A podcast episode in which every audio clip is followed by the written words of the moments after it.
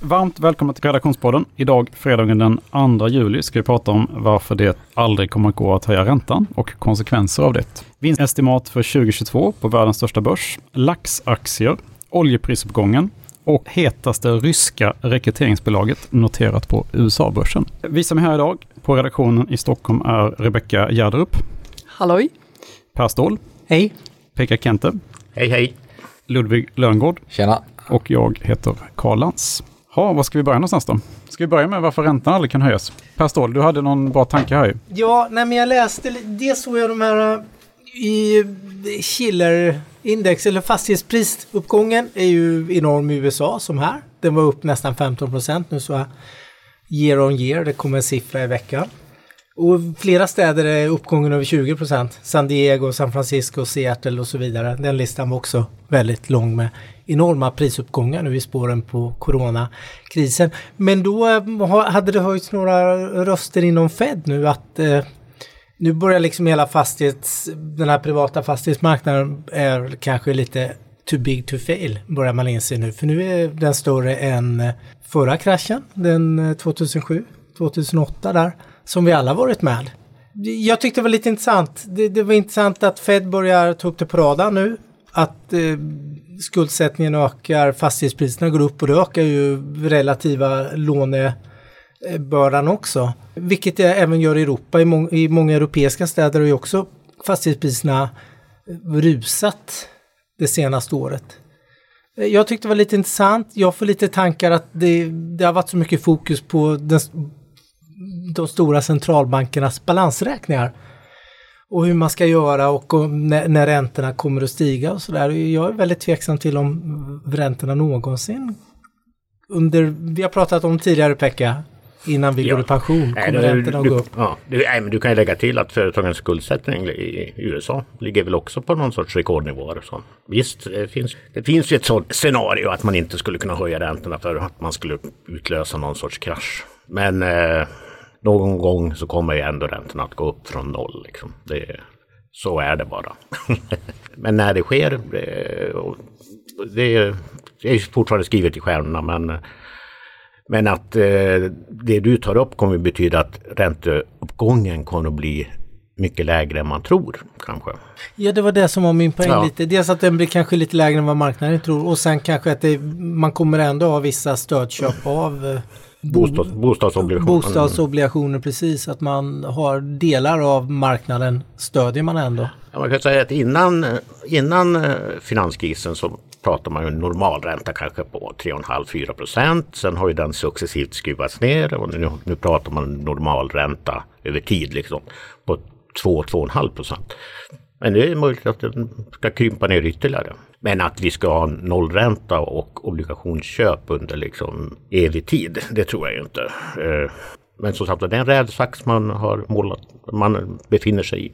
Så att det kommer bli tungt.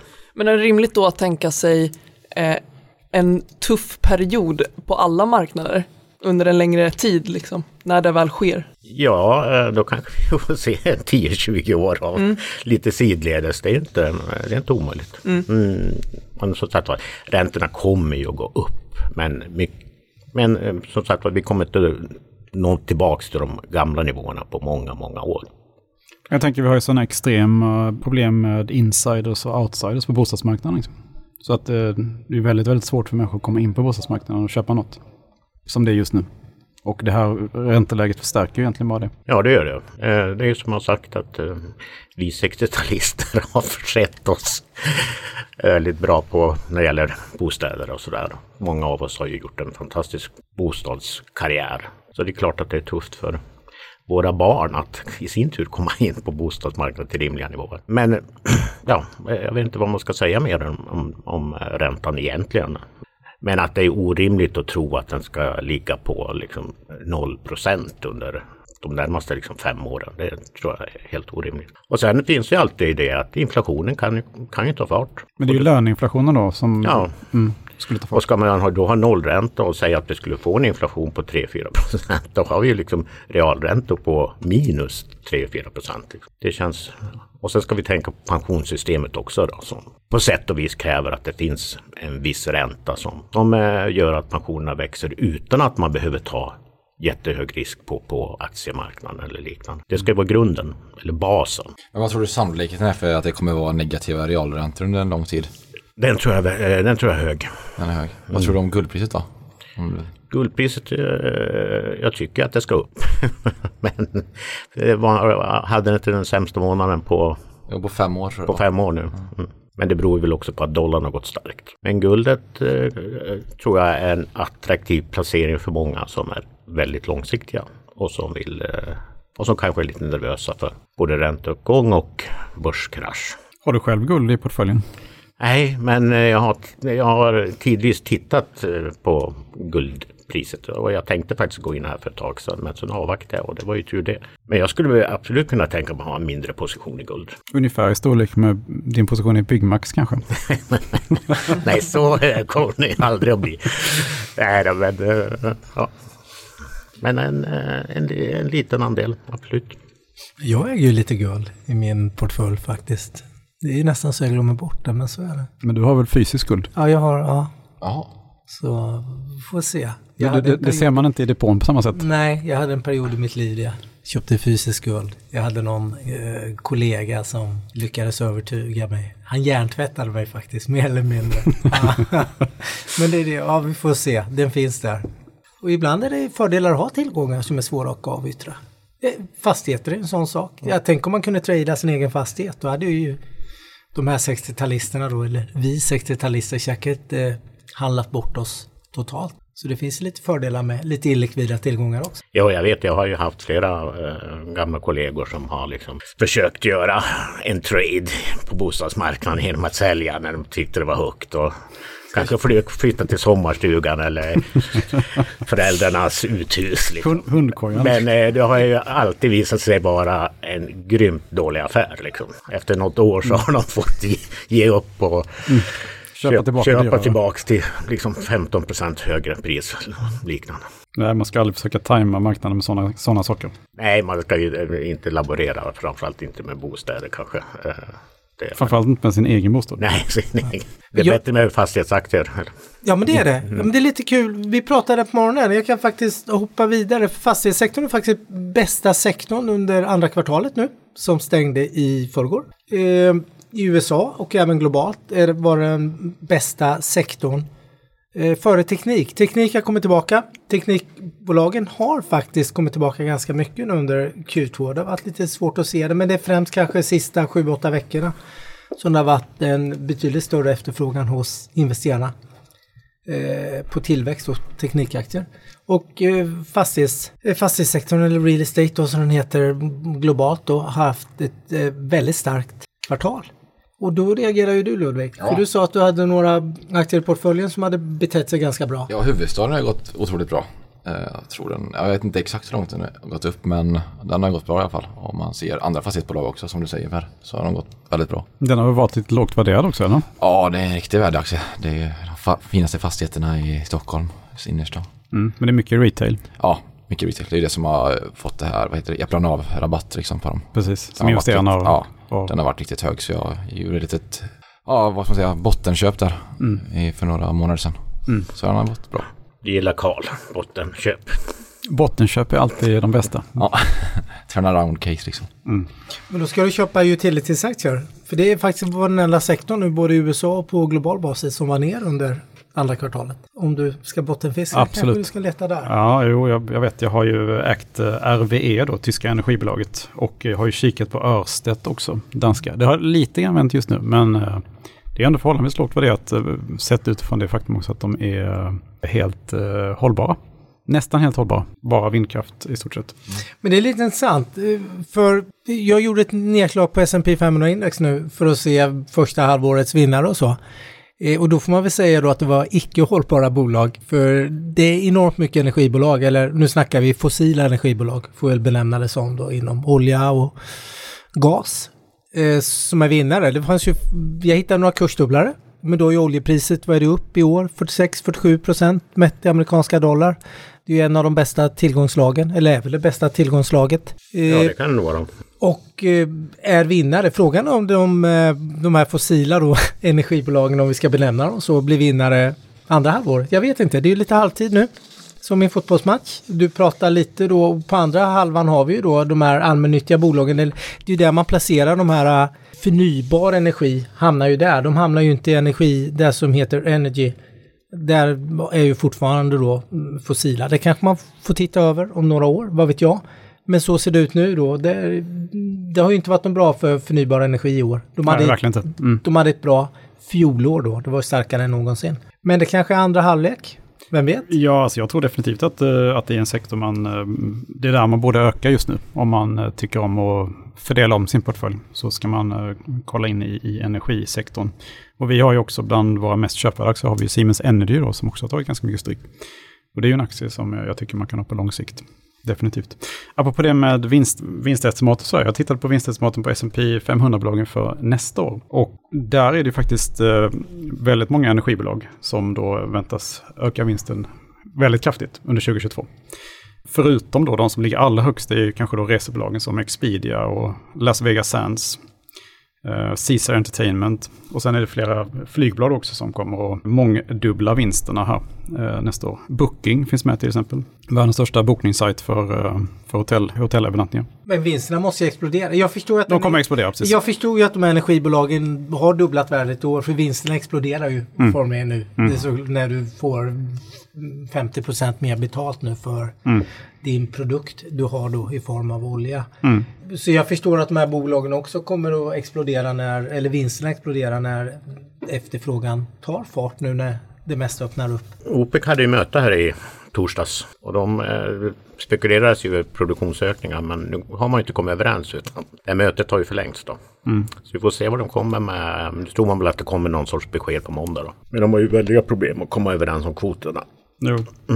Hur mycket påverkar det inflationen på sikt om oljepriset stabiliseras här vid 75 80 dollar ju mer det rullar? För nu är, blir det väl en stor effekt? Ja, det blir ju en stor effekt på, i USA framförallt då. Det är en stor andel av inflationen. Men, men du sätter mig lite på pottan där. Jag, jag kan inte säga hur mycket. Säg en halv procentenhet eller någonting kanske. Sett över tid. Då. Sen enstaka månader kan det ju bli väldigt mycket när man har väldigt låga jämförelsetal. Apropå det med, med olja bara. Jag ser att Teslas vinst ska ju upp eh, nästan 50 procent 2022. Apropå det med grön, gröna bolag också. Hur, vad får vi för P-tal då? Det har jag faktiskt inte 5000. på listan här. Det är fortfarande i tusen Det är fortfarande högt. talsregionen. Men Ford, Ford Motor Company ska upp 44 procent vinsten.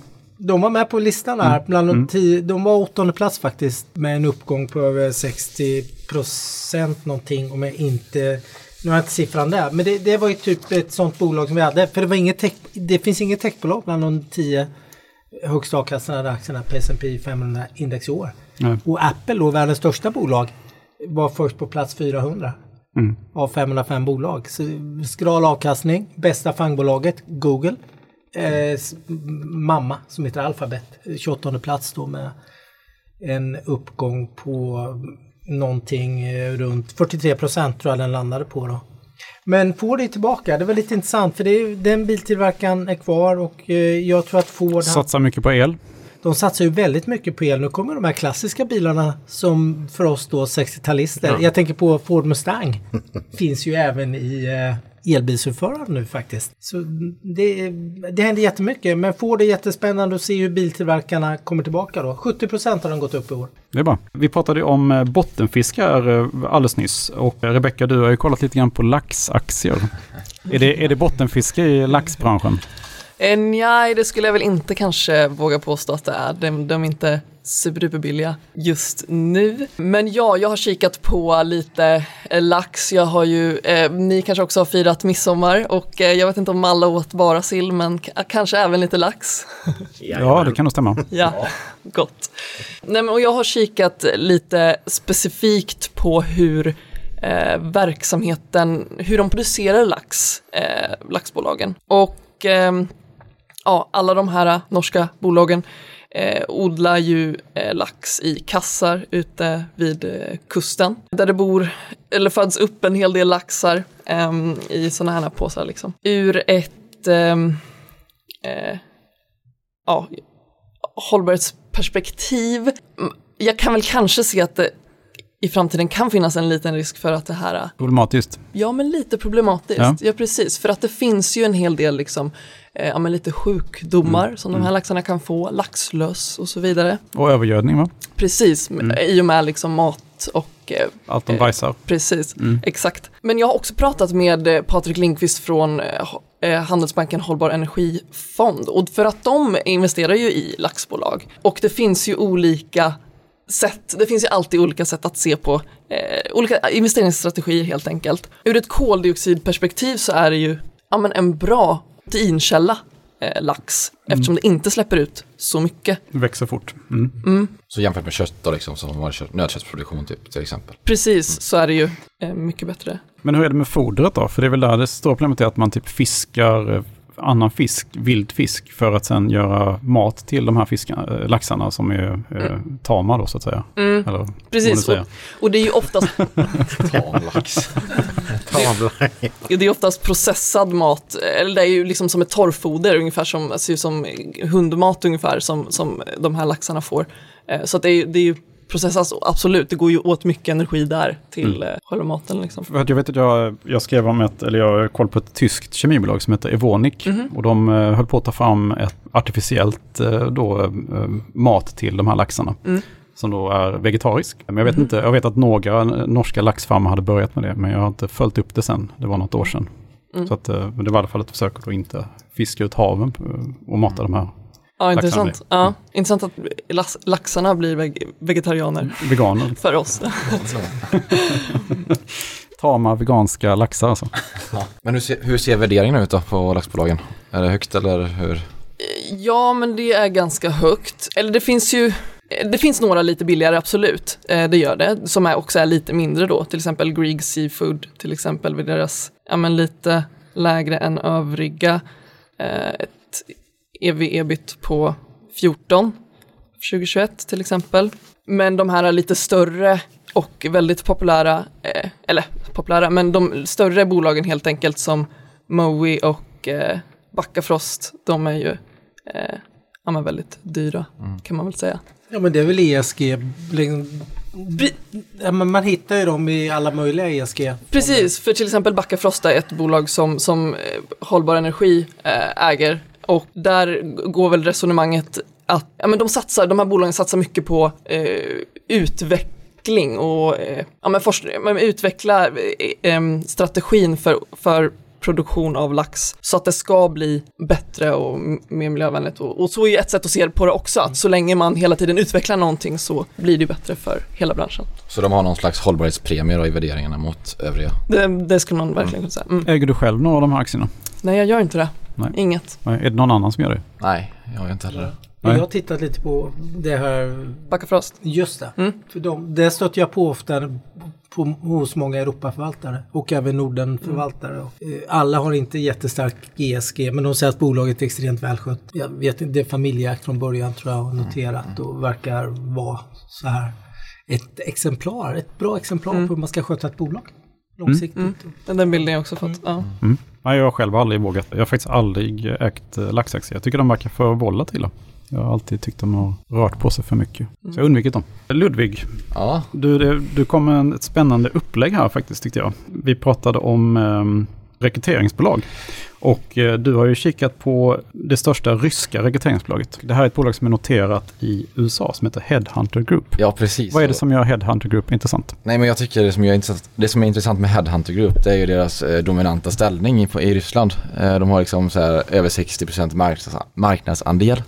Och den egentligen ko- stora konkurrenten är Avito som har 25. Det ryska blocket tänker jag då på. Ja men de är typ Blocket eh, Plus massa andra grejer. plus eh, ja, ja, typ eh, jobb, alltså rekryteringsplattformar och allt möjligt liksom i Avito. Det finns massor med delar liksom. Process. Ja, Ja, just det. Prosus har ju köpt dem från eh, VMV. Så det är, det är ju liksom en rekryteringsplattform då. Och eh, på, eh, i Headhunter Group då så har man 25 miljoner unika användare varenda månad. Så det är ju väldigt stort liksom. Men den är helt digital och Otroligt skalbar. Det, det spås komma en rejäl marginalexpansion nu. Från dagens 35 eh, ebit-marginal till 50 2023. Så otroligt skalbart. Och de ska växa omsättningen med 25% nu då, de kommande tre åren varandra år då. Så de växer bra. Äh, Det växer... växer bra, den dubblar sig på tre år. Det är väl något för Pekka det här? Ja. Du som vill ha din ten-bagger hela tiden. Men, ja, men ett problemet är... Risk, riskrekrytering liksom. Ja, precis. Risk- Den är upp eh, rekryteringspaket. 39 i aktien. Upp eh, 80% på ett år. Mm. Det är ju bra. Ja, Väldigt fin aktiekurva tycker jag. ja, den har ju gått stabilt uppåt liksom. Mm. Problemet är väl egentligen värderingen lite grann. Eh, Man kollar liksom, om man jämför med peers så är den inte så mycket billigare. För man kan tänka sig att den ska vara lite billigare eftersom att det ändå är Ryssland. Rysk rabatt. Ja, Mm, precis. det det ska vara rysk rabatt för politiska risken. Liksom. Men det syns inte så mycket. Men det är kanske också för att eh, de växer ju snabbare än alla sina peers. Liksom. Så det borde kanske vara diskonterat redan det. Så det är på 2021 års ev ebitda så handlas de på 25 och P 20, på 2021 är 45. Eh, Men de, ska, de kommer växa in i den här värderingen då, så det ser ju mycket, jag tror det är 20, P20 liksom på 2023 då. Så det växer ju på ganska bra, men det man kan ju inte säga att det är riktigt värdeinvestering direkt att man köper billigt. Men du, hur är det med eh, det man alltid tänker med Ryssland är att den här politiska risken. Mm. Att sådana här, även Headhunter Group skulle vara typ världens, eh, ha världens bästa techbolag inom rekrytering så kanske det är problem för dem att, att expandera till andra länder utan, Ja, det kan liksom. absolut, absolut. Sen kanske de reglerar också för att de blir så stora. De får ju liksom monopolställning. Och det ska jag komma till nu också att det är ju sjukt starka nätverkseffekter och att det är svårt för nya konkurrenter att komma in på marknaden. Så det kanske också speglas lite i värderingen att de har en dominant ställning liksom. Och att det blir svårt för nya att ta sig in. Att de kan försvara sina marginaler liksom. Jag tycker det är ett int- intressant case på lång sikt. Och den här eh, jobbmarknaden väntas växa 5% tror jag i Ryssland. Är den bara noterad på ryska börsen? Nej, den är dubbelnoterad. Den finns i USA också. Så det är Men den operationella verksamheten finns bara i Ryssland? Ja. ja. Och Östeuropa. i eh, precis, östeuropeiska stater. Precis, så det är väl egentligen den politiska risken som är risken.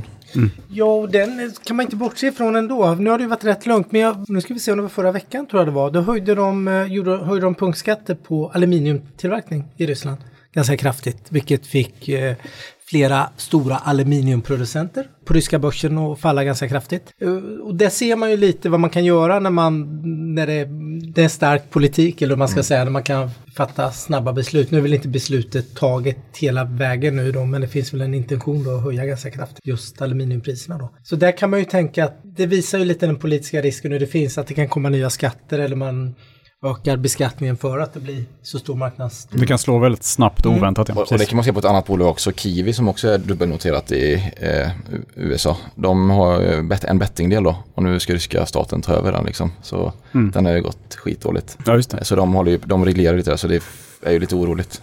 Men Nej, man ska alltid, alltid vara försiktig med politisk risk. Det är samma i, eh, jag kollade på så här litium och eh, koboltgruvor i Kongo till exempel. Och då är det, fel. det är ju kanadensiska bolag som eh, noterar det, som eh, håller på där. Men plötsligt bestämde då kongolesiska staten att de beslagtar då eh, hälften av deras tillgångar. Liksom. I ett bräde bara. ja, ja, det är inte så kul. Nej, det är inte så kul. Så att man ska alltid ha, politiska risken är egentligen det första man ska kolla på tycker jag när man investerar. Fast det finns ju också en enorm uppsida ifall det nu skulle lösa sig där nere, eh, alltihop. Så om man är lite optimistisk så tror jag ändå att, om man är optimistiskt lagd så tror jag ändå att det ska bli bra. Och- man ska ju vara optimistiskt lagd. Ja, Det lönar sig oftast. i ja jag tror faktiskt det. Vad skulle du säga I beg to differ.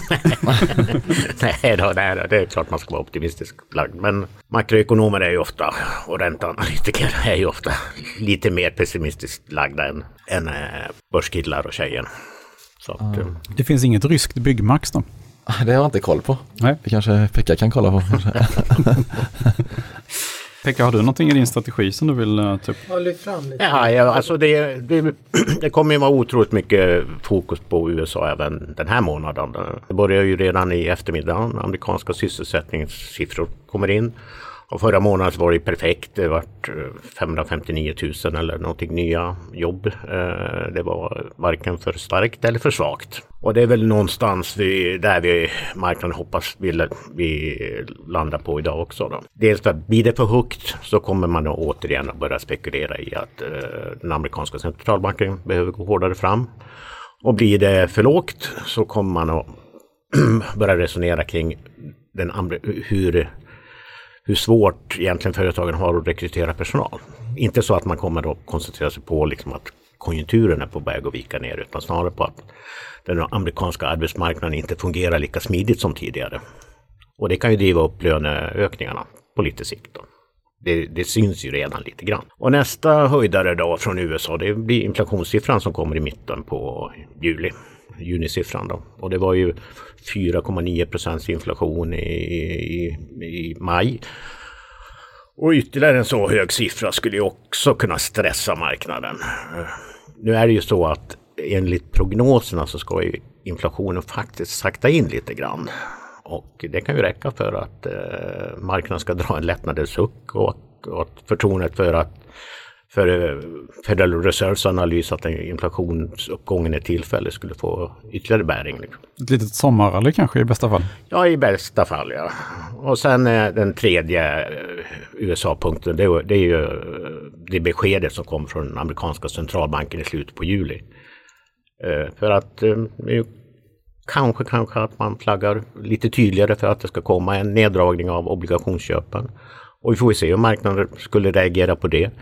Eh, visserligen så räknar ju alla med att ett sådant besked någon gång kommer att komma men, men när man ställs inför realiteten så kanske det blir ett litet eh, bakslag. Eller så för att eh, gardera mig så kan det ju bli en positiv reaktion på eh, till exempel en, en mindre neddragning än, än marknaden räknar med. Eller, eller att man skjuter fram ett sådant beslut ytterligare. Men mycket beror på vilka arbetsmarknads och inflationssiffror vi får fram till dess.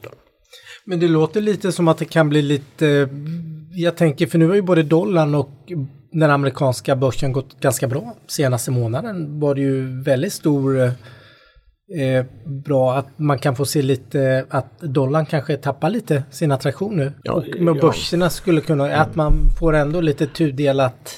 Jag, jag tycker att analytiker eller marknaden är lite ambivalent till dollarn. Liksom. Att man långsiktigt så är man ju ganska negativ till dollar.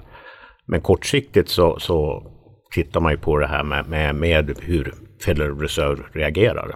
Och eh, stiger räntedifferensen mellan till exempel Europa och USA ytterligare, då ska det vara dollarpositivt. Bättre att ligga i en, i en dollar som ger lite ränta än en euro som inte ger någon ränta alls. Men det är, det är på makrosidan. Men eh, det som jag tror absolut är eh, viktigast för börsen eh, i juli, det är ju kvartalsrapporterna rullas ut. Det är högt ställda förväntningar. Eh, vi, vi vet, eller vet och vet, men ordersidan kommer ju vara superstark troligtvis. Se om det räcker. Men sen ska de ju hålla i kostnaderna också. Hur har de hanterat det här med leveransproblem, eh, hög, högre insatsvarupriser och komponent? Det ska bli jätteintressant att se. Det betyder ju också en del för inflationen på sikt. Då har vi något kul att se framåt här under sommaren också. Ja, för den som eh, orkar häva sig upp ur hängmattan, hängmattan. och hammocken och solstolen. Liksom.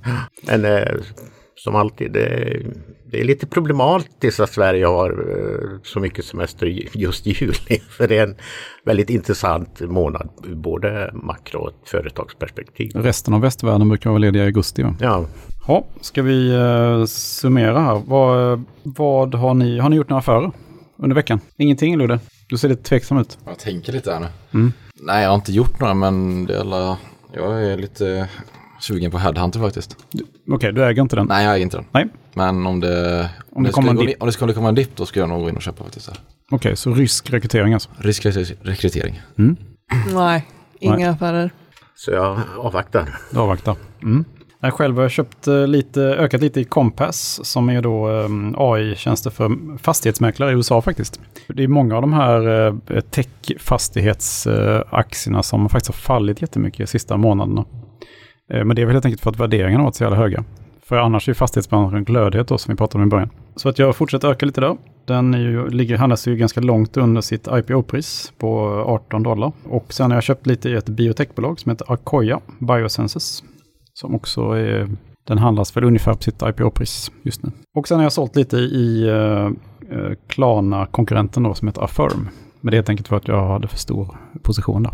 Så det är min, okay. min veckas uh, sammanfattning av mina affärer. Yes. Jag har inte gjort någonting. Men, men jag har en, haft en liten trevlig upplevelse. Jag har faktiskt haft en 100% den här veckan. Alltså Vad är det för som har gått upp. Ett litet bioteknikbolag som håller på med geneditering. Alltså det är CRISPR-teknologi, det är liksom lite mRNA, man håller, det, är liksom, det är framtiden inom läkemedelsindustrin. Mm. Och de fick eh, testresultat från en fas Ja, vad var det? Någon, en, en tidig fasstudie i alla fall var det väldigt bra testresultat. Vad heter bolaget då? Det heter Intelia.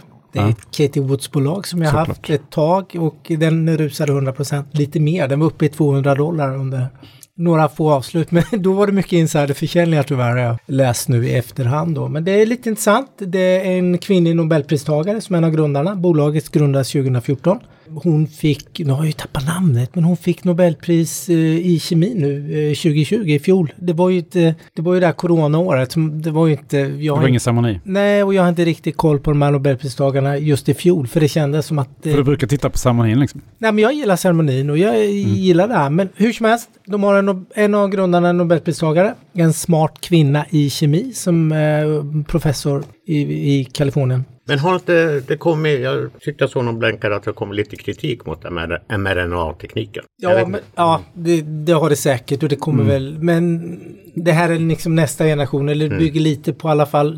Eh, ja, jag, jag Alltså, det har väl ingen- funnits någonting om, om man, alltså jag har läst någonting om att om man tar väldigt många sådana här eh, mRNA-vaccinationer att det kan skapa infektioner i kroppen och så. Det är nå- någonting jag har läst, men jag, jag vet inget mer. Liksom.